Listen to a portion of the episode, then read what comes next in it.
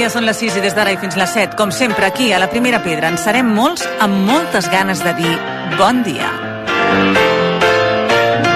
La Primera Pedra, dissabtes i diumenges de 6 a 7 del matí, amb Noemí Polls.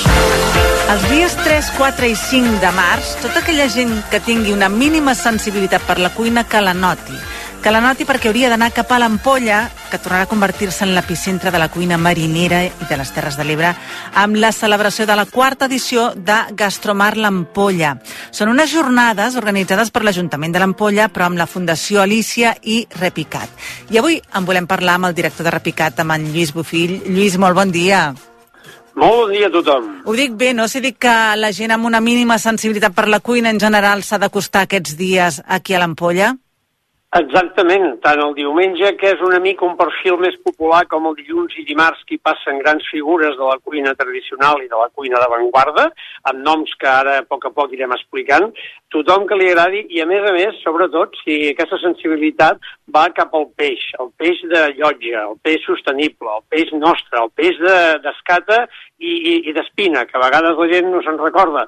I aquest és el fil conductor eh, tornar a posar en valor el peix de llotja i els peixos que sempre han sigut una mica eh, aquesta part dels àpats mariners de tota la costa catalana. També tenim algun convidat, l'any passat teníem de Menorca, aquest any tenim de Cantàbria, gent que ens ve d'altres llocs, però, eh, tal com deies tu, sensibilitat, ganes d'aprendre, això sí, i, i, de, i, de, i de gaudir del peix, que és eh, el fil conductor. Uh mhm. -huh. Ara parlàvem de cuina de mar, principalment mediterrània, però ja ho dèiem també, que hi haurà cuina marinera càntabra, eh, però tindrem noms eh, importants i també populars. La Gesamina Caramés, que és la, la de Meleta de Romé, que la coneixem molt bé i que representa una mica les Terres de l'Ebre, l'Ametlla de Mar, també Vicent Guimarà de l'Antic Molí, que també seria d'Ullacona, però també d'altres zones de Catalunya. Qui més ve? Exacte. Exacte. Uh, el diumenge, que és aquesta part popular, fem una primera sessió amb el Marcus Pei, que és el responsable de la cuina de Fundació Alicia, posant l'ostre de l'ampolla com a producte que, a part de que és sa i sostenible, també val la pena tenir-lo molt present, i sobretot aquestes ostres que en aquesta època són de més bon menjar i en el seu millor moment. I la Gesamí, popular, simpatiquíssima, fantàstica, ha fet aquest recull de ranxos mariners perquè ella ve d'aquesta terra i ho va com aquell que diu mamat de petita, i eh, farem una dissertació i, evidentment, totes aquestes sessions, tant diumenge com dilluns i dimarts, són en cuina en directe. Per tant, els aromes, els olors, els sabors i fins i tot el producte és el que a la gent moltes vegades més li emociona de participar. I com deies tu, el Vicent Guimarà és un gran referent, jo diria que potser el més referent de tot aquest territori, perquè té una estrella verda, que això diu molt d'aquests restaurants amb estrella verda, i una estrella de Michelin. I és aquesta trencadissa que ens agrada fer, i quan dic trencadissa no és per trencar amb el passat i el present i potser el futur, sinó d'anar incorporant gent de, de, la, de la cuina tradicional i també eh, la cuina d'avantguarda, que és el que també a vegades el dia a dia més està en valor. Però no podem oblidar d'on som i qui som i d'on venim. I també parlàvem de veterania, eh? I gent que porta sí. molts i molts anys d'experiència. Exacte, hi ha el Neixel, el Jean-Louis Neixel, que va estar 20 anys a Barcelona amb un restaurant amb dos estrelles Michelin. Ell és d'origen alsacià, però sempre ha tingut producte. Ell va estar al Bulli eh, durant molts anys, als inicis d'aquest gran restaurant que gràcies a ell també es va posar Catalunya al món, en el món de la cuina i la gastronomia, i un cop jubilat entre cometes, perquè aquesta gent no se jubila mai, doncs torna a estar amb nosaltres a fer un dels seus els clàssics, en aquest cas, és el Llobar Romario, que va fer ell quan va néixer el seu fill fa 15 anys, o, o més, no me'n recordo, i eh, precisament és aquesta recuperació, igual que passa amb els germans Josep Font i Jaume Font del restaurant Sa Punta de Pals, que és l'Empordanet, que venen a fer un platillo mar i muntanya de l'Empordà i també una recepta d'aquelles que potser els més veterans hauran vist fer en directe alguna vegada a la sala, que és molt interessant el cuinar a la sala, com és el llenguà domenia, fet en directe, no? I el Joan Bosch de Cambrils, un altre veterà que va ser el primer i el fundador i creador del restaurant Can Bosch de Cambrils, que em sembla que ara mateix és el restaurant amb estrella Michelin que fa més anys que la té de tot el territori. I, I és el que deies tu, no? Intentem que tot formi part d'aquest espectacle tan fantàstic que posa el mar a sobre de l'escenari. Uh -huh. Ara ve també a la Aida Reverter, que és del restaurant Les Palmeres de les Cases del Canà, també hi serà. Exacte. Uh, i, tot, Exacte. I tot això que seran espectacles eh, gastronòmics vist en directe, és a dir, veure com la cuina la fan els grans davant teu, a més a més estarà envoltat de debats, col·loquis i ciència. I a més a més et diré una cosa. Mira, la paraula ciència la fem servir un poc perquè eh, amb, el, amb el que seria el director de l'ICI, que és el Toni Massanès, que ens ajuda molt amb el seu equip a organitzar aquesta altra part que deies, en diguem coneixement. Perquè el de ciència a vegades espanta. No, no és una tabarra, ja us ho dic amb franquesa. en diguem coneixement. Precisament perquè moltes coses, i com sabeu, Fundació Alicia treballa molt eh, per Exacte. menjar bé, sa i saludable, moltes coses tan senzilles que a vegades donaríem per fet i que sabien els nostres avantpassats, i no parlo de cinc generacions enrere, eh, sinó d'una o dues, les àvies que cuinaven, les peixateres, els pescadors i la gent, diguéssim, de la terra, doncs s'han perdut però no han caducat i per tant val la pena tornar-ho a recordar. I tan senzill és tornar a posar en valor eh, segons quin tipus de peix blau o peix blanc com la manera de fer-lo i treure'n el millor profit, no? I aquest és una mica el joc. I pensa que cada any hem posat també a, a, a davant de l'escenari com a part important de tot el que fem a les dones del mar. Hi ha una associació que són les dones de la mar, armadores, uh Mhm. -huh. eh, pescadores, que tenen empresa, que es posen a la mar igual que els pescadors, que cada dia van a la seva feina, a part de les peixateres, i que expliquen totes, la, la, en aquest cas, no només el seu ofici, sinó totes les vivències que tenen en directe d'aquest ofici que no deixa de ser encara bastant dur. Per tant, val la pena tenir-ho present. I aquestes sessions també van acompanyades de receptari molt senzill perquè la gent aprengui a fer doncs, coses a casa seva amb aquest peix de la llotja que sense donar-hi tantes voltes és el que tenim cada dia quan anem al mercat. I és aquell, aquell és el del millor dia, el millor preu i el més fresc. Si algú no pot anar-hi, ho pot seguir per streaming. Uh, ja fa uns anys, i això va ser uh, sobretot per la pandèmia, que vam pensar que si la gent no es podia moure o no podia venir, nosaltres teníem una manera d'arribar-hi que finalment la tecnologia serveix per això. Ho fem tot per streaming. Tot per streaming com si fos un programa de televisió. I si no el podeu veure en directe aquell dia a través del canal que hi ha l'enllaç en les xarxes de Repicat, que és el Gastro Events Online, que Mhm. és el canal de streaming, després queda penjat fins i tot a partit per sessions per quan algú vol veure una recepta en concret que es va fer aquell dia, eh, aquell any. Per tant, si entreu al canal veureu que hi ha un recull d'aquests últims quatre anys, tres anys i quatre, de tot el que ha passat. I també això volem que animi, aprofito eh, que em dones la veu en el teu programa, a que la gent vagi als restaurants i demani peix del territori, peix fresc i peix que sigui de llotja. Vull dir que ja sé que els costums es porten a la rodella i sense feina i sense espín i sense escata, però eh, si hem de defensar aquests pagesos del mar, ara que el tema del, de la pagesia uh Mhm. -huh. està tan en, en actualitat, diguem-ne pagesos i pageses del mar, ha de ser consumint peix de llotja i del territori, que en tenim des de Portbou i Colera fins al Delta de l'Ebre, moltes llotges de gent que encara cada dia va fer moltes hores a alta mar. Sí senyor, des de Portbou fins a les cases del Canà, bon peix, de proximitat, i que a més a més m'agrada molt aquest concepte, eh? la pagesia del mar. Uh, L'hem de reivindicar també. I amb un acte com aquest serà ben maco d'acostar-s'hi i de seguir-ho. Uh, Lluís, moltíssimes gràcies. Ja hem sentit una miqueta l'oloreta de mar i ja ens ha agafat ganes avui de, jo crec que de dinar peix. Mira què et dic. Eh? Si això era Doncs- el que preteníeu, ja ho heu aconseguit només parlant-ne. Ho celebro perquè una mica la nostra feina és aquesta i tota la gent que participa directe o indirectament, des del GALP de les Terres de l'Ebre, el Departament d'Acció Climàtica i Alimentació i Agenda Rural i la resta de, de suport que tenim, anem per aquí. Anem perquè tothom torni a fer aquesta col·locada d'ull en el peix del territori, que finalment, home, què us haig d'explicar? Sempre és el que té més bon gust i deixa més bon regust. Segur, segur que sí. Moltíssimes gràcies, Lluís. Ens trobem aquí a l'Ampolla amb aquesta Gastromar, amb aquest festival del peix. Sí, senyor. Moltíssimes gràcies.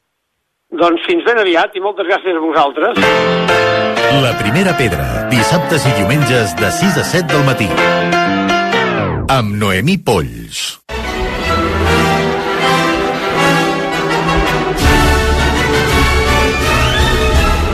Castells, molt bon dia. Molt bon dia, com Ah, anem? Bé, ja vestits de llar per anar cap a l'òpera. Pa, sí, però aquest cop no anem al Liceu. Ah, no, aquest ja. cop anem per tot el territori català perquè els bons Ah. amics i amigues de la Fundació Òpera Catalunya... Bé. Doncs em sembla molt bé, tu. Home, és que Clar que també hem sí. de... I a més ja va bé perquè aprofites i dius, escolta, que la vaig veure a Sant Cugat, que la vaig veure aquí, que la vaig veure allà. Doncs ja vas, fas un dinar... Jo el dic que no anàvem al Liceu, dic ara em portarà a París, em portarà a Nova York. No, no, no, no, Bueno. per aquí molt millor. Bueno. Molt millor. He estat a París aquest cap de setmana Ah, i he anat a veure una traviata Ah, sí? meravellosa, Ah, ambientada en ple 2023, que ella a l'acabar el primer acte uh, se'n va fer un kebab, Uh, Ah, sí? No, no, tot, Tot- tot, tot- tot, l'escena del casino era amb, amb joc digital i jugaven en una tablet. Caram. Tot era per whatsapps projectats a la pantalla, que s'ha de dir que distraien una mica, però escolta, molt bé. Sí? Molt bé, molt bé, molt bé. Veus? Molt bé. És que sempre ens portes l'últim, eh? No, bueno, ja veus tu, mira, aprofitava que estava per allà i vaig dir, escolta, hi vaig. Però Molt parlem, bé. parlem, parlem de la propera òpera,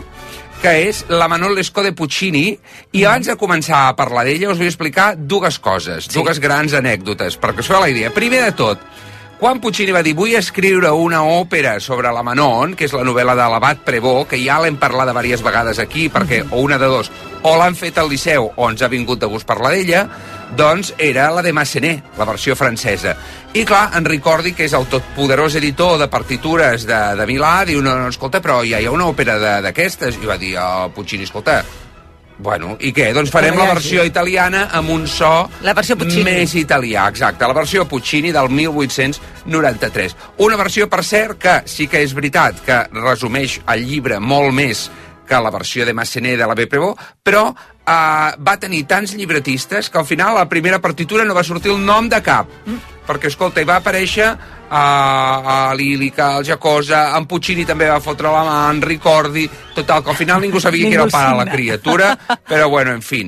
Si us en recordeu, La Manon és aquella òpera, aquella història, millor dir, que ha ambientat diverses òperes, d'una xica, una fem fatal, que és innocent però es deixa temptar del canvi al convent per tot de nois rics i això doncs la perd, la perd, la perd i acabarà la cosa molt malament.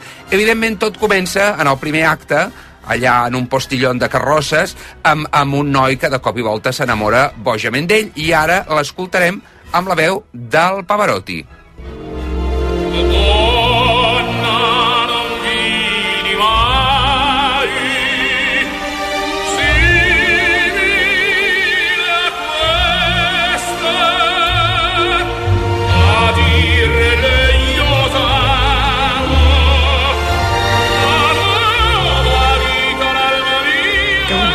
Meravella! Ens agrada, ens Meravella, agrada. meravella. és que és meravellosa aquesta veu. I, i res, i aquí està. Això és bàsicament l'únic fragment que us posaré del, del, del primer acte, perquè és realment el moment en què ell ha enxerrat i ell s'ha quedat absolutament xurururu de, de, de l'emoció d'haver-la coneguda. Per tant, així va la cosa.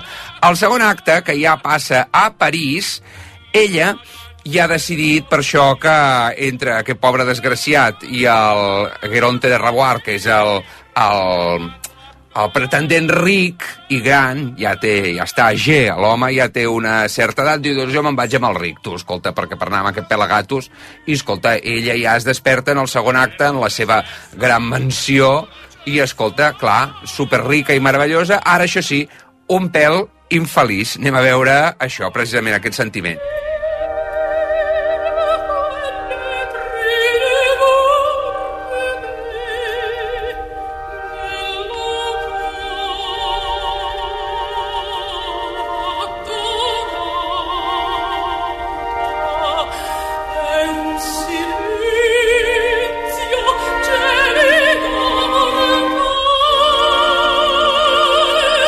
Canta, per cert, la Mirella Freni, Besti de Luciano Pavarotti. Per tant, quan en una producció, ja fos en gravació discogràfica o ja fos sobre l'escenari, eren, saltaven les xispes perquè eren molt bons amics, tots els de Mòdena.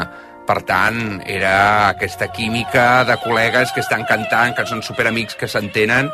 I fixa't, eh, en la música i en la melanconia de la veu, aquesta cosa de ho tinc tot, sóc riquíssima, Però, no però va, va tot amb Ai, un preu, és que noia. no és la que, exacte, va la cosa com va. En qualsevol cas, el que passa aquí és això, no?, que ella té el seu cosí, en l'Escó, uh, i li explica una mica, no vaig conèixer aquest noi tan maco, bueno, doncs aquí estic molt bé, però bueno, i clar, què fa el cosí? Va a buscar directament el Pavarotti i el de Grier, que està una mica emprenyat com una mona, i ara veurem una mica aquesta conversa, que per cert se segella amb un amor, vamos, Ah. encara més fogós que el del primer acte.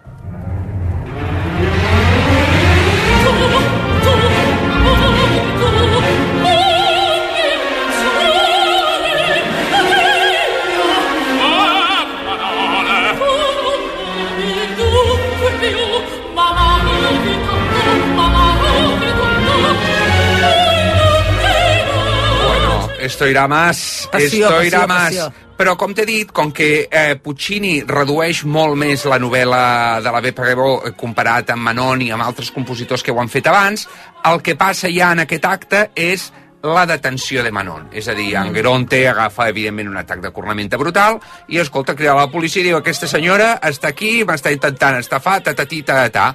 I així saltarem al tercer acte. En comptes de les 5 que té la de Massenet, aquesta en té 4. Abans de parlar del tercer acte, com dèiem la setmana passada parlant d'Encarajant, que ens agrada un intermezzo famós i aquesta òpera en té un de molt famós, així que escolta, anem a fer Va, un Ens tastet. agraden, ens agraden.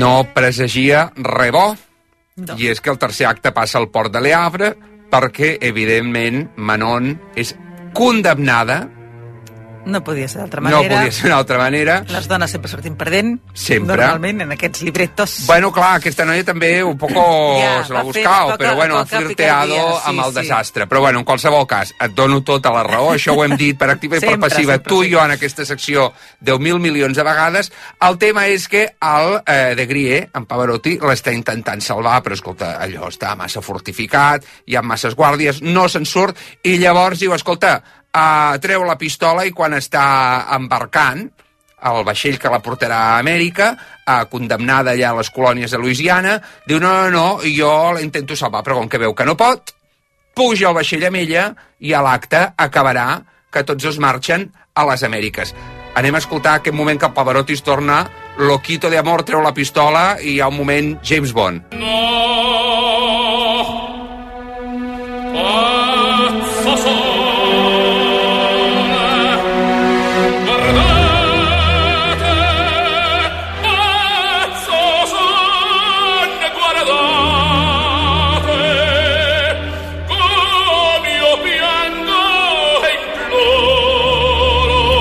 Que sentir el Pavarotti, escoltar-lo. I quina dicció tan perfecta, eh? No pots saber, no, no et cal saber ni un borrall d'italià per saber el que està dient, eh? Sí, sí. Escolta, no Això estic boig, molt, eh?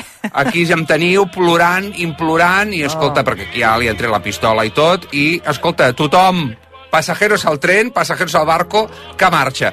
Quart acte, evidentment, ja el recordareu potser de la Manon, i si no, no patiu. Clar, què passa? Allà et deixaven, allà al mig de Louisiana, i apa, vinga a caminar sense ton ni son, sense futur, i ara sentirem la gran àrea de la Manon, que és aquesta sola perduta abandonata, que aquí ja la cosa està acabant, acabant, perquè està al mig del desert la pobra, caminant amb ell, que dius, ahir ho tenies tot, i avui l'escoltem així. perduta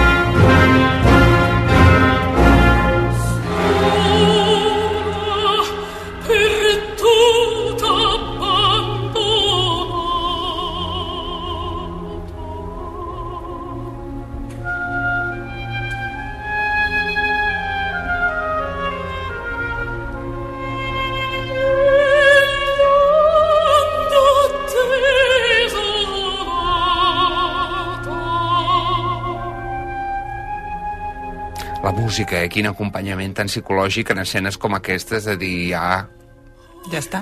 això, bueno, ella ja ho fa genial amb el cant i amb l'actuació, eh? I que, que aquí, fixeu-vos, no l'estem ni veient, vull dir, això és una gravació de disc, i com t'està transmetent això de... Ja, fin, se acaba, bye bye, hasta otro ratito. S'acaba i s'acaba muy mal i muy lento. Home, s'acaba... Sí, perquè s'està morint una bona estona, eh? La pobra, la tia no, no muerde el polvo de cap de les maneres. En qualsevol cas, estic segur que us hem despertat a totes i a tots les ganes de dir, escolta, doncs, eh, i per què no?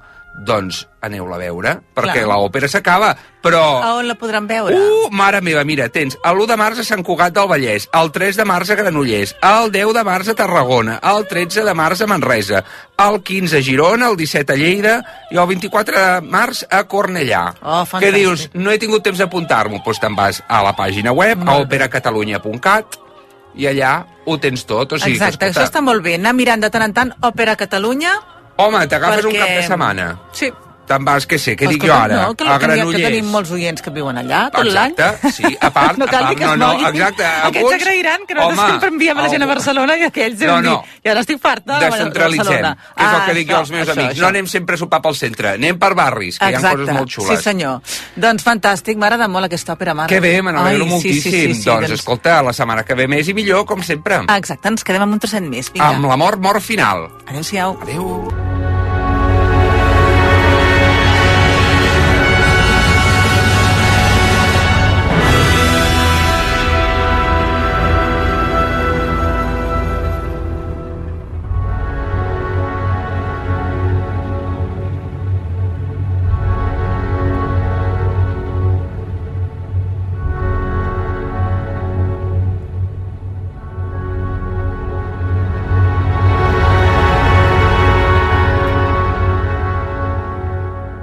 La primera pedra.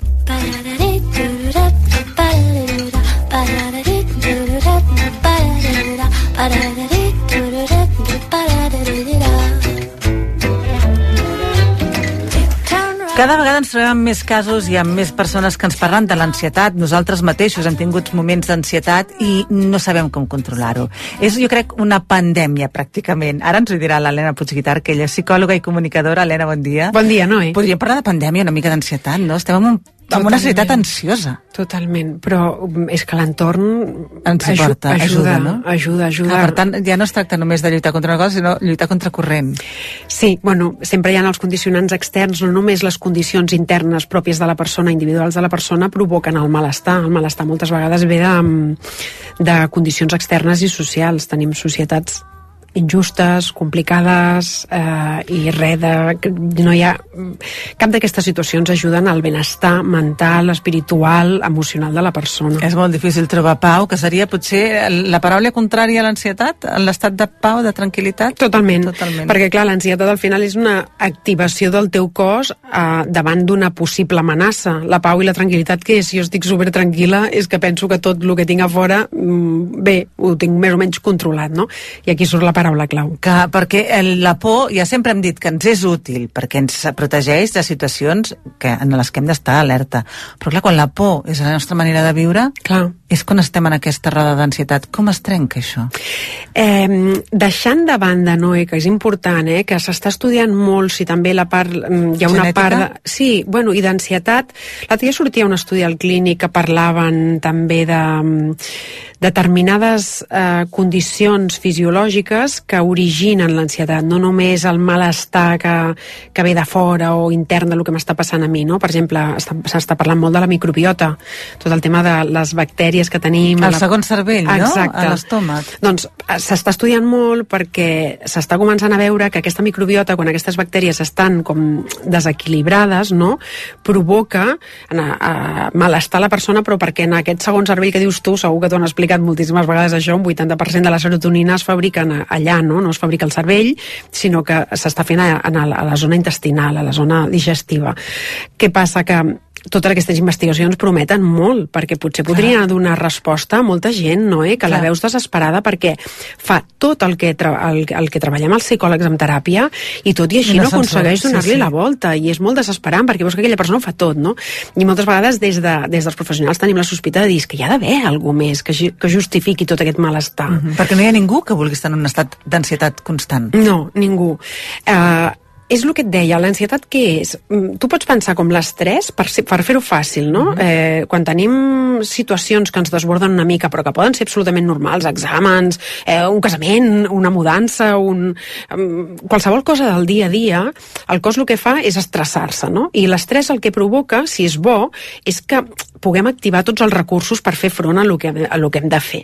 Què passa? Que si això eh, es cronifica, en certa manera, aquest estat permanent d'estrès pot acabar amb ansietat. L'ansietat és una resposta del, del, del nostre cos, del cervell, en les estructures, l'amígdala, l'hipocamp, és a dir, per fer-ho molt fàcil, que detecten com un possible cervell, ai, un possible perill, perdona, i aleshores el cervell el que fa és dir, avisar de dir, eh, ojo, i llavors comença tota l'activació del que seria el sistema nerviós, la branca del simpàtic, que és el que ens, el, el, la famosa lluita o fugida, no? fins i tot congelació.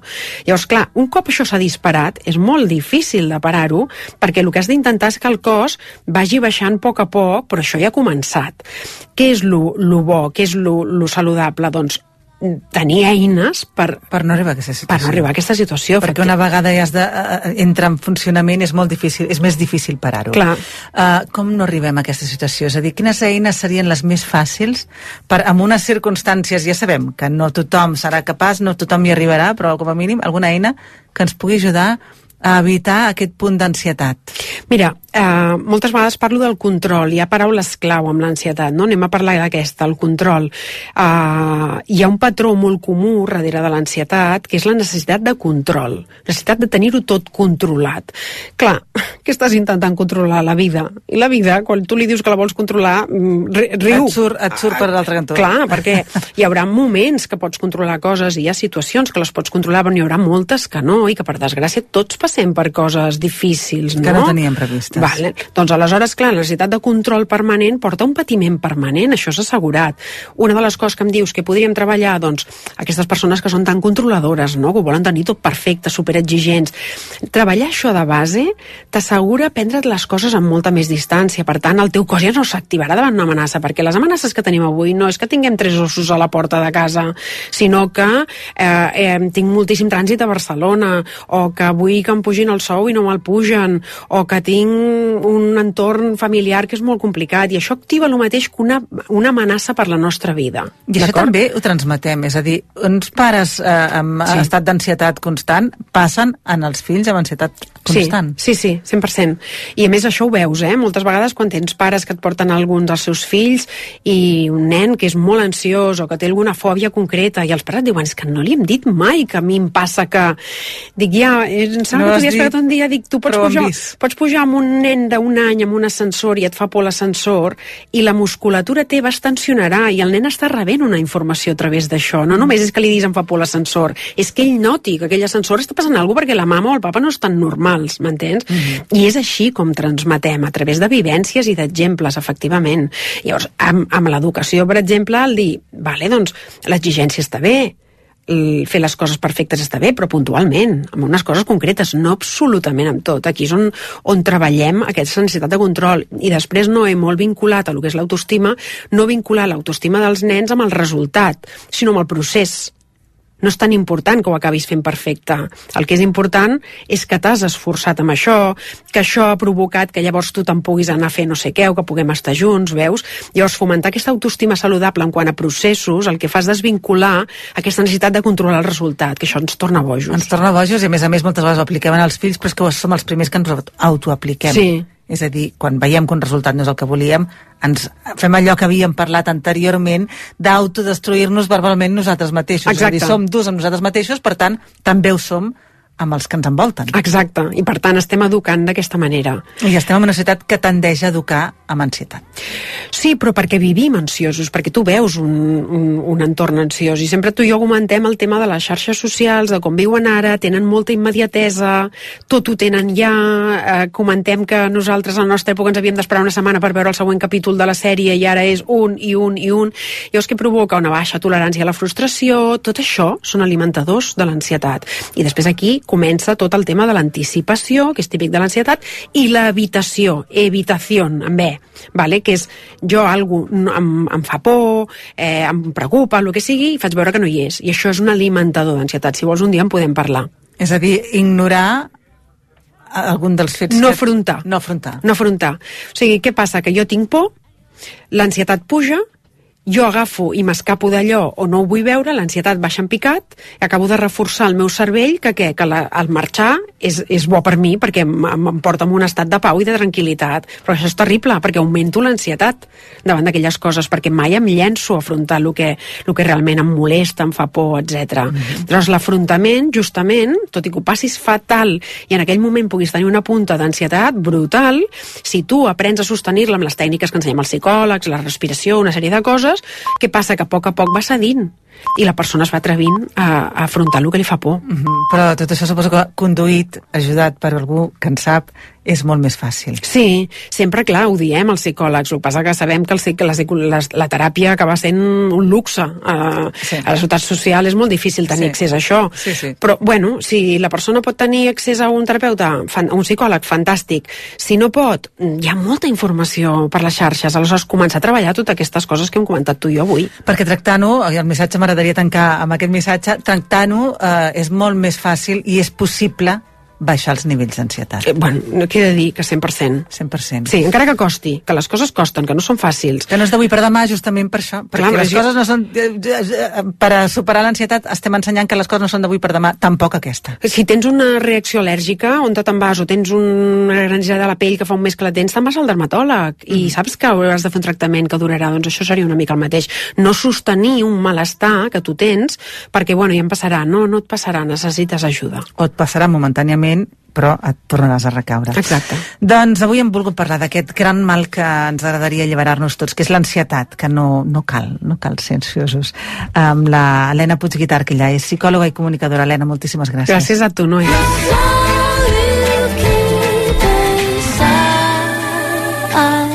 La primera pedra, amb Noemí Polls. Moment ara per saludar en Jordi Margarit. Jordi, molt bon dia. Bon dia, Noé. El 25 de febrer de 1971 neix a Badalona Toni Pinilla i Miranda, exjugador de futbol. Va iniciar la seva carrera als equips inferiors del Barça, debutant al primer equip al 1990, pocs dies abans de fer els 19 anys. El 1992 participa amb la selecció als Jocs Olímpics, guanyant la medalla d'or. El 1971, a la ràdio de mig món i entre els grans temes d'aquell moment, hi triomfava aquest Brown Sugar dels Stones.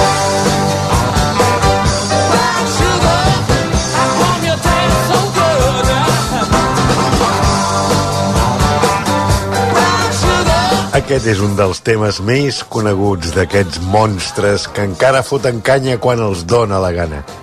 Aquí escoltàvem també la Maria del Mar Bonet i aquesta versió de la cançó de Bàrbara, L'Àguila Negra. Bon dia, o pot ser una nit prop del mar, jo m'havia dormit. Quan de cop el cel s'omple de llum i un ocell negre surt sense venir Quina meravella, quina veu prodigiosa la de la Mar. Aquí la descobríem amb un nou registre que ens mostrava la seva capacitat per dominar qualsevol estil que s'ho proposés. El 1971 ja podíem gaudir d'una de les emissores avançades a l'època, Ràdio Joventut de Barcelona, que amb molt de talent i creativitat presentaven espais com aquest Quisicoses de Josep Maria Bach. Cachondeo, padre. El cachondeo. Ea, marchando. Las 9.57 minutos. Ya está saliendo el disco este que me lo sé toda coconata. ¿De qué? ¿Del disco que vamos a poner? Pues si es un disco...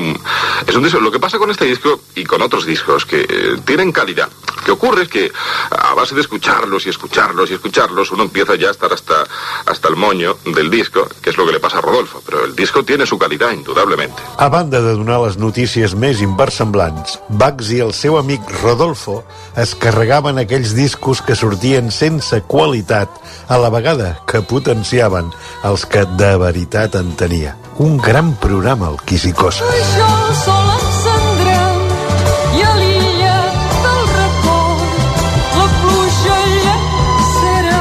La primera pedra. Montse Interiors t'ofereix Cases amb ànima.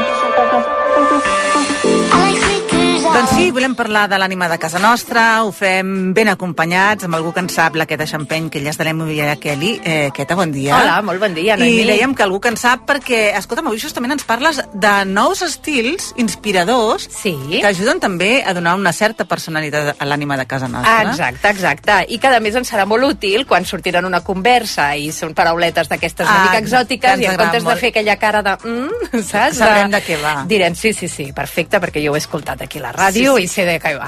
bueno, la Queta ho ha dit i ens ho ha explicat Sí. ja.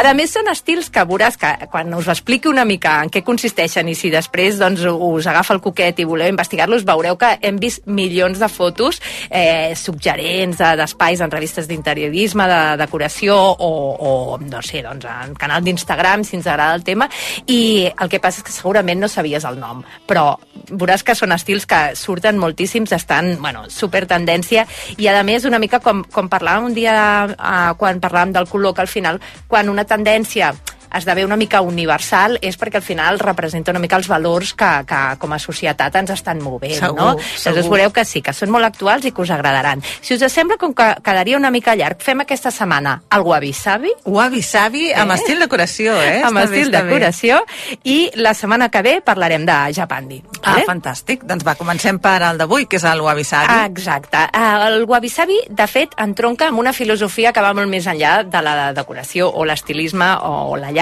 Eh, és una filosofia oriental, japonesa, molt antiga, que es basa sobretot, que, com a, el, el titular seria amor a la simplicitat allò autèntic, allò que és com natural, que és... Que és, que és L'essència, tal no? qual, exacte, l'austeritat màxima, no? Segur que ara ja us estan venint al cap fotos que heu vist doncs, a Instagram o així, que dius, ah, sí, sí, és allò que sembla que no hi hagi res, que és tot super com rugós, saps? Aquelles fustes eh, molt, molt, molt sense tractar, absolutament verges, no?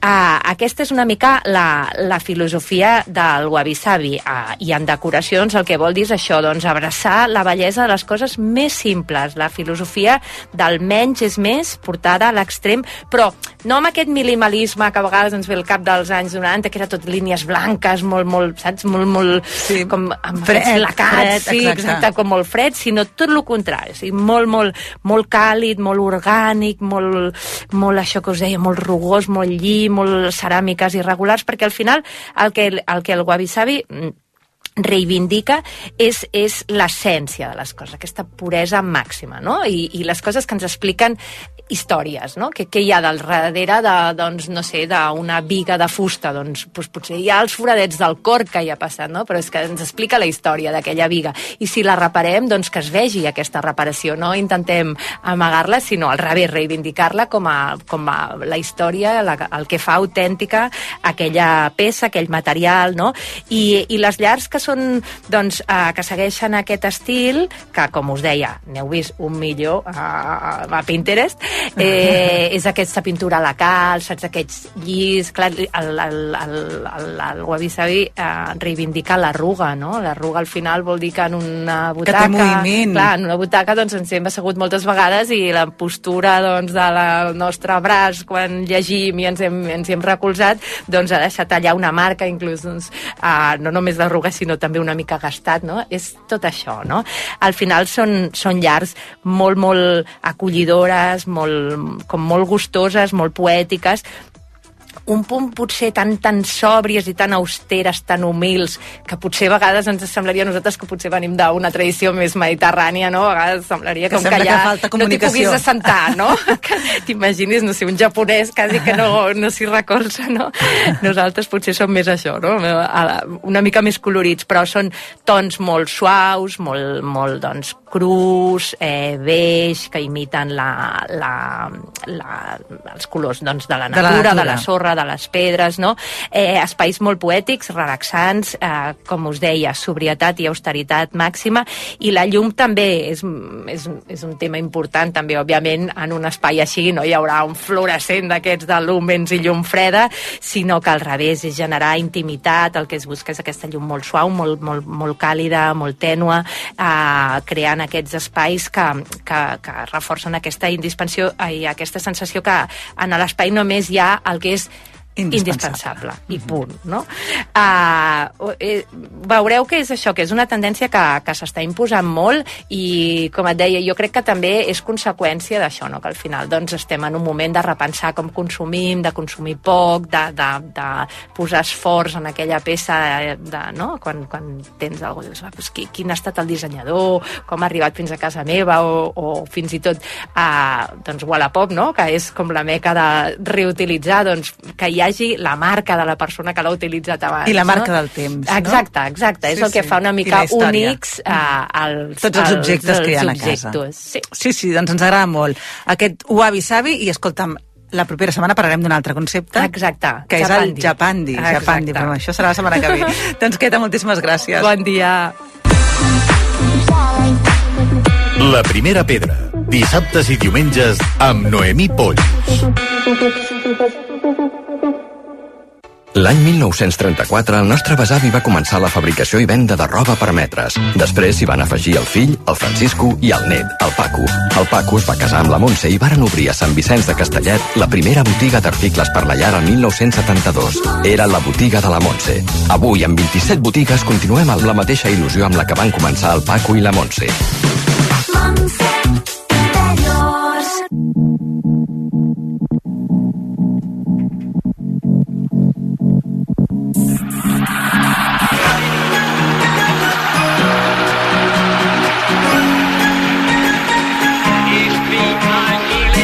a Tendències volem parlar amb una creativa independent. Fa titelles caricaturitzades o caricatures de dit, entre altres titelles també. Eh, és l'Helena Garcia i Ulldemolins. Eh, molt bon dia, Helena. Hola, molt bon dia. Tenim moltes ganes de que ens expliquis aquestes titelles, que ara mateix en tenim dues en aquí, que les reconeixem perfectament. Uh, una és el Jordi Basté, Sí. sí. l'altra és el Marc Giró, que són unes titelles dit, com ara estàvem dient, que ens ha agradat molt aquest nom, titelles caricaturitzades o caricatures de dit. Sí. Que és ben bé això el que fas. Explica'ns una mica com va sortir la idea de generar aquests certs que quasi, quasi tenen vida pròpia. La veritat, mira, jo començo a fer titelles sobre l'any 2008, perquè era una cosa que, que sempre de petita inclús n'havia fet, m'havia apassionat, però el 2008 vaig dir, no, no, totes les que vaig fent, agafo, me les poso sota una maleteta i me'n vaig anar a la mostra de teatre infantil i juvenil d'Igualada, Uh, vaig, agaf, vaig pagar un estant a la llotja de, de creadors, dic, aquí vinc jo, a Ensenyar, titelles, clar que i sí. aviam qui necessita un constructor. I llavors em vaig adonar que és un món que, que tothom va com en tots molt pillats i que se les construeixen ells mateixos, a no ser que hi hagi alguna cosa molt concreta o alguna companyia que s'ho pot permetre, però normalment ja forma part del mateix equip o són grans professionals, no? Aleshores vaig dir, bueno, doncs res, doncs m'aniré al carrer amb una paradeta a vendre-les, no? Llavors vaig, vaig començar a mirar fires d'artesans, on poder vendre-les, i gairebé sempre coincidia que eren fires on hi havien festivals. I llavors moltes vegades els mateixos actors, actrius que tenen bolos, doncs mentre no actuen passegen i et miren i et coneixen i llavors vaig començar a treballar per gent del sector doncs perquè em trobaven així, no? era com posar el meu aparador allà on hi havia el, el possible mercat i, i d'aquí vaig començar a fer doncs, això, titelles de moltes mides grans, he arribat a fer una balena de dos metres Caram. d'espuma, uh, un far i, i després, doncs clar, per a, a arribar al públic mm, quotidià que no es dedica a això, doncs vaig començar a fer titelles de dit. I Molts a- famosos tenen aquestes titelles Molts de dit, famosos. Eh? Ho hem de dir. Sí. Ho hem de dir, perquè les titelles que fa l'Helena arriben també a tots aquests personatges, grans personatges que entrevista el Jordi Évole, a lo de Évole, Sí. i, i que acaben rebent-ne una com a obsequi, eh, i que suposo que mm, deu ser divertit, no?, veure que, que, que els hi arriba a ells, els mateixos caricaturitzats. Home, pensar que el Felipe González. Fet per tu. I fet per mi. Clar, això, això vol dir moltes hores de mirar-te el Felipe González Sí. en tots els angles. Eh? Exacte, i escoltar-lo molt i veure molt com parlen. Quants personatges has arribat a fer? Més de 100. Més de 100. Sí, sí, sí. El dia que vaig fer, que vaig comptabilitzar un 100, em vaig, vaig dir, eh, que n'he fet 100 ja. Però sí, gent, i gent anònima i, i cantants, o a vegades extrec personatges de quadres, no? Jo què sé, la, la, la xica de la perla, no? Aquell quadre famós, doncs, tinc ganes de veure com és aquesta noia i, i me la vaig inventar, perquè clar, no tenia gaire més informació el quadre, volumètrica clar, de, clar. de la seva cara, no? Però és molt divertit, mm, és això, no? Mm, Documentar-se i buscar, doncs això, hem fet el papa, hem fet a, a les de Belle Époque, no? la Penélope Cruz, i, i llavors el, divert, el més divertit és que aquestes caricatures eh, són quatre dimensions, perquè tenen les tres dimensions volumètriques, no? I després fem, el, fem un vídeo en el que traiem, acabem de treure aquella part d'essència caricatura de les persones, no? Llavors aquí és una perquè el fem per riure i per passar-nos-ho bé, ens han donat permís per penjar-les i etiquetar-los i, i llavors això ja és a vegades la, la guindeta La, del pastís. que, la del cirereta, perquè em, heu tingut moltes visualitzacions. La gent que tingui ganes ara de començar a mirar, que entri a Insta a, a, a dedo-s, és a dir, a dedos, però amb un guió Mhm. baix abans de la S, que trobaran tots aquests vídeos penjats. Sí. Que s'ho passaran molt bé. Aquí hi ha tots els vídeos i, de, i després a la part dels highlights, que són aquestes, aquests cercles que hi ha a dalt, hi han com, diguem-ne, les preses falses de, dels, dels vídeos que hem fet, perquè és que a vegades ens agafa el riure a mig rodatge. Abans de començar, no, parlarem d'això, farem allò, llavors comencem a rodar i llavors la cosa se'n va per una altra banda i, i és molt divertit perquè és com jugar una partida de pales, quan tu li tires la pilota i l'altre te la torna i no saps com la tornaràs i, i és, és, és divertit. I a part d'improvisació també, que és el que deu donar més, Total, més joc en, el, sí. en els vídeos. També la trobareu a arroba ninets i titelles i en allà trobaran totes les titelles que tu fas també. Ah, exacte. perquè no només fas aquestes caricatures de dit. No, clar, hi ha, hi ha, hi ha animals, sobretot mm, molts professors et demanen titelles per dinamitzar les classes, Ah, clar. molts narradors orals, després algun capgros també. Una vegada una família em va contactar perquè tenien un nen que li agradava agafar un tamboret, posar-se'l al cap i passejar-se per casa com fent un cercavila i em van dir que, que li volien fer un capgros. I vaig fer un capgros del Messi perquè el nen era superfan del Messi i llavors documentar-te i, fan, i va ser fantàstic. molt, Clar, molt són, divertit. són regals molt personals i tu sí. fas titelles totalment personalitzades. Com arribes a fer una titella? Quantes hores et pot representar treballant? Depèn, si conec a la persona m'és molt més fàcil i si no la conec depèn de, dels trets que té perquè hi ha persones que són molt més caricaturitzables que dic jo que d'altres, no? Depèn de les faccions, si tenen ulleres, si... hi ha coses que t'ajuden. I a vegades és que una cosa... Són tan petitones perquè, mm, pels que no les podeu veure, la mida total amb la roba i tal són uns 9 centímetres d'alçada que tenen. Aleshores, clar, un caparró tan petitet, al nas, li puges un mil·límetre, li baixes un mil·límetre i ja no s'assembla. Sí, sí, I a sí, vegades sí. és veus, analitzes, i els ulls sí, la boca també, però hi ha algú que no sé què és, i és això, agafar el cúter, fer cirurgia, sí, sí. li talles el nas, li desplaces i, ui, ja està, ja ho tinc, no? Clar, s'han de fer la idea de que, que van amb un dit, per tant, el cap és el tamany d'una mica més gran que Sí, la punta sí. del dit. I després Sí. els vesteixes. I després sí, intentes la, fer... la, la part de dalt del tronc. Sí, n'hi ha alguns que sí que depèn d'aquí, doncs els hi parteixes, els hi fas com si fos una mica pantaló i, i, i, i vestit, bueno, o camisa, o alguns li fas vestit, hi ha gent que et demana, és que vull que vagi amb un vestit de núvia, o una Oh, clar, sevillana, perquè, o... perquè al final també depèn del moment en el que tu fas el regal, perquè molta gent l'aprofita per fer regals obsequis a, a familiars, amics, a coneguts. És una manera molt original també Sí. de, de fer-los un petit homenatge. Està no? sortint molt quan la gent fa 50 anys. Ah, veus? no sé si va fer alguna cosa a veure, però et demanen el, la caricatura de la persona. I a vegades s'engresquen i tota la família, no? Llavors, entre ells es fan, es fan vídeos i és divertit perquè és això. Potser comença un i s'acaben engrescant quatre o cinc i, i és un regal, doncs això, que és, és molt divertit perquè te l'emportes a tot arreu. Clar, clar, i a més a més després pots fer tota una història aquí eh, inventada que, que dona molt de joc. I lo terapèutic que és, eh? Terapèutic, segur que sí, segur que sí. Perquè a vegades pots treure misèries i, i les estàs traient aquí. Segur que sí, segur que sí. personatge. Doncs proposem a tothom que ens estigui escoltant que entrin, com dèiem, a, a Instagram, que la segueixin Ninets i Titelles o a Dedos, amb guió baix abans de la S, i veuran aquests treballs, aquestes titelles tan maques, aquestes caricatures de dit, titelles caricaturitzades que fa l'Helena Garcia. Helena, moltíssimes gràcies. Moltes gràcies a tu. La primera pedra, dissabtes i diumenges de 6 a 7 del matí, amb Noemí Polls.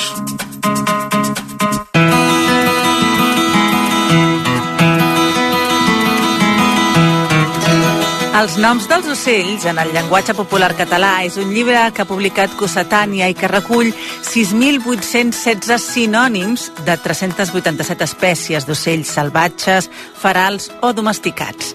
L'autor és Andreu Carretero i avui volem parlar amb ell. Andreu, molt bon dia. Hola, bon dia. Uh, ja d'entrada, la curiositat és uh, d'on ve aquesta afició pels ocells i per cercar aquests noms? Perquè, Andreu, eh, tu ets eh, llicenciat en filologia, en filosofia, perdó, i ciències de l'educació, per tant diríem que no és la primera professió. Exacte, sí. Uh, bé, de fet, jo no sóc ni biòleg ni, ni filòleg, estrictament, uh, però sí que he estat professor de llengua i literatura durant més de 30 anys uh, a l'ensenyament secundari, però alhora he sigut sempre un gran afeccionat a observar els ocells, a entendre'ls, i d'aquesta afició m'ha sortit, per exemple, que sigui el corrector de, de les publicacions que fa l'Institut Català d'Ornitologia. I sempre m'ha interessat la relació que està entre els ocells i la llengua. Uh -huh. Home, és que 6.816 sinònims de 387 espècies són molts. Sí, són molts.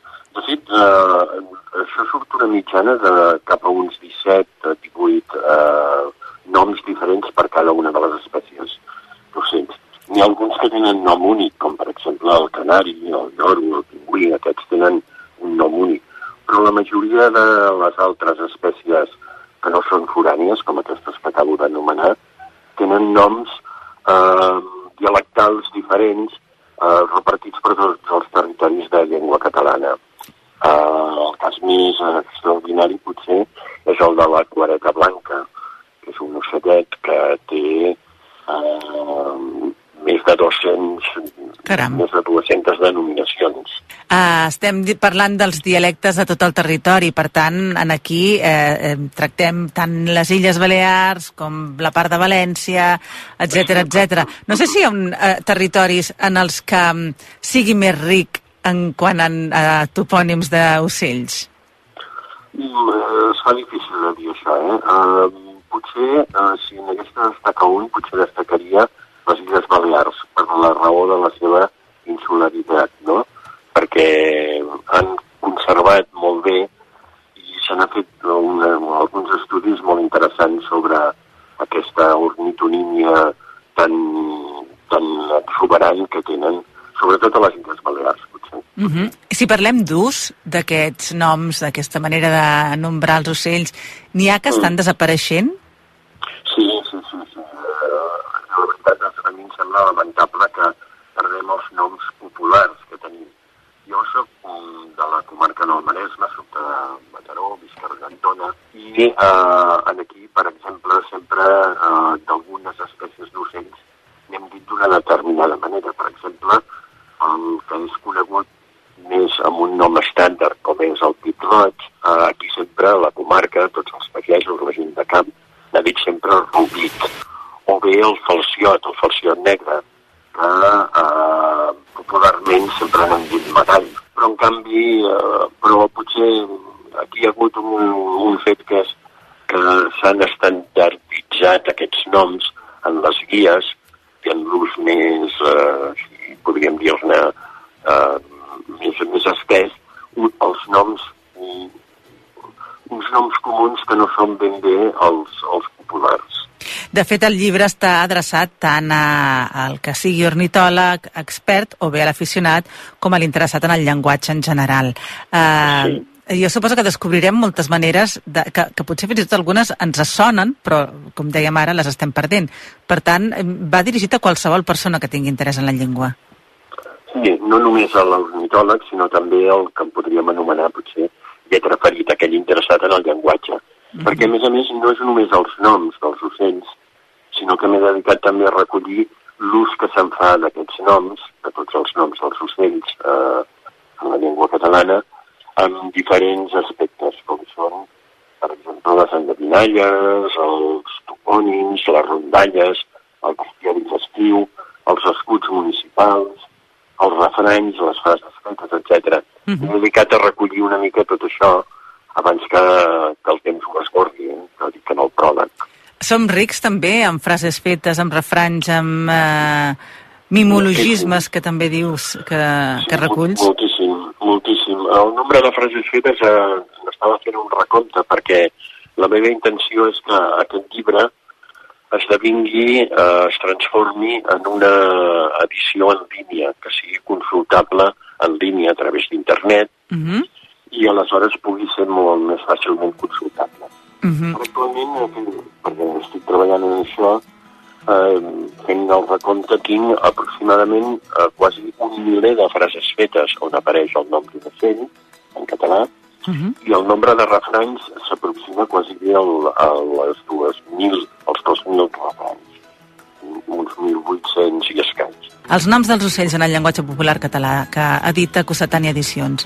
Andreu Carretero Serra, moltíssimes gràcies. Gràcies a vosaltres. La primera pedra arroba racu.cat La primera pedra.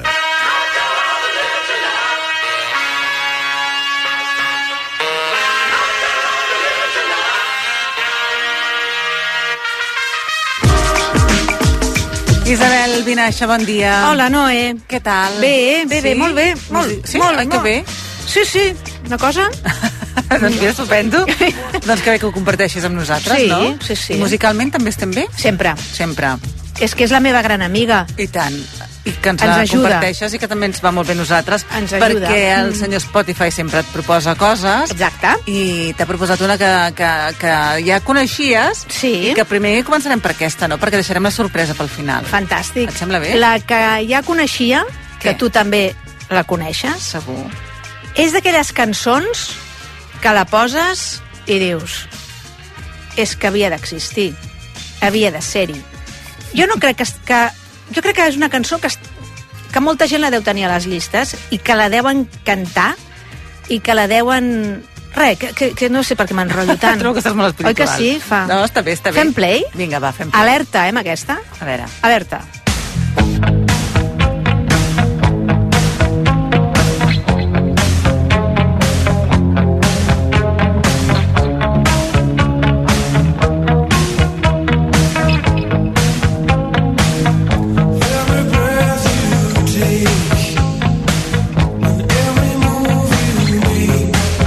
falta poc per presentar. Mare perquè Déu. Crec que no, No. cal dir massa cosa, no? Jo, jo no, Polis. mira, em sap molt de greu, bueno, digue-ho tu si vols, Everybody perquè jo no, tinc, jo no ho vull dir. No, doncs ja ho he dit jo.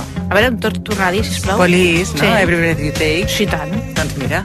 Que és maco el títol, eh? Sí. Diuen que era una, una cançó amb una lletra una mica obsessiva, eh? Cada Mm. respiració, cada Sí, pas, sí, cada... sí. Eh? Una Sí, mica... que està feta- feta Era d'una altra època. Sí, exacte. Bueno, com has dit tu, Police, que hem de dir Police, que hem de dir de Sting. Una... És d'aquestes veus, el de Sting, que és que és reconeguda. És que és... I a més es manté molt de seguida. bé, ell, eh? No, és, dius, és ell. Tu és ell, és ell. Està... Va, no podem dir, però... L'Isabel. No, home, Déu-n'hi-do, com està? No, és- està guapo, a més A veure, està, està- jove. Home, està estupendo. Fill meu, què, què, què fas? O què, o què fas? O què... Sí, sí, què Molt fas? d'exercici, molt d'exercici, És, que és brutal. Estàs, nen, estàs molt bé, Sting, ja t'ho dic ara. Escolta'm, i, i anem a per un altre tema, que sí que aquest eh, Sí. te l'han descobert una mica, perquè evidentment no era Sting ni era ningú que No, s'assembli. també és Ni una... de la mateixa època. No, no és de la mateixa època. També estem parlant d'un- d'un- d'una veu solista, d'un noi, que déu nhi la cançó, l'estil d'ell també m'agrada molt, i crec que et pot sorprendre. Ah, sí? Sí, A sí, sí, sí. Vinga, som-hi.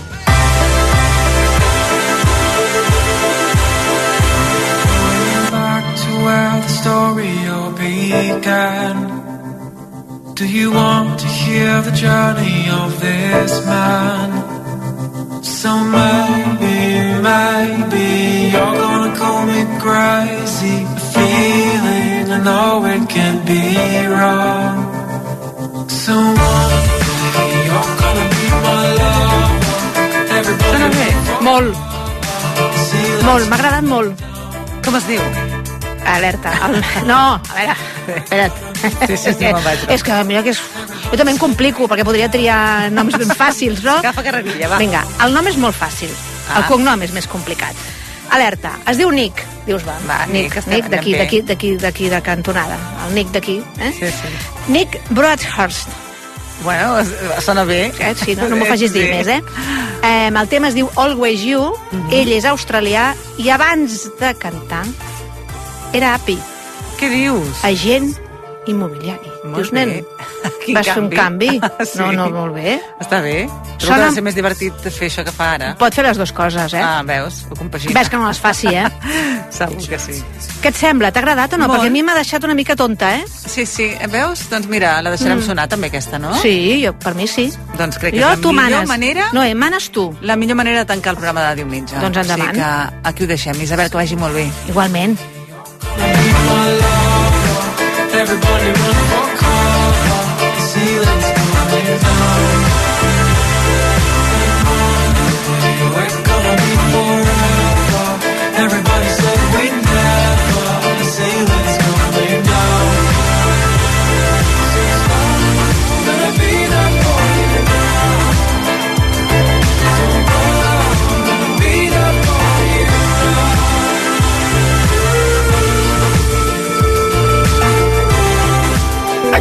Sabem que acompanyar-te és estar amb tu sempre que ho necessitis. I com que volem que protegeixis el més important, et mantenim el preu de les assegurances de salut i de vida i de l'alarma Securitas Direct sense pujades durant 3 anys. Informa't en la teva oficina o a caixabank.cat.